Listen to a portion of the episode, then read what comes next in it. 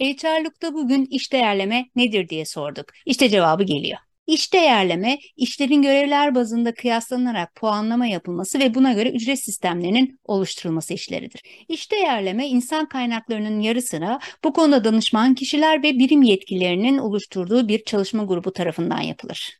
İş değerleme, görevlerin birbirleriyle ilişkisinin belirlenmesi ve adil ücret yönetimi için organizasyonlar açısından önemli bir çalışmadır.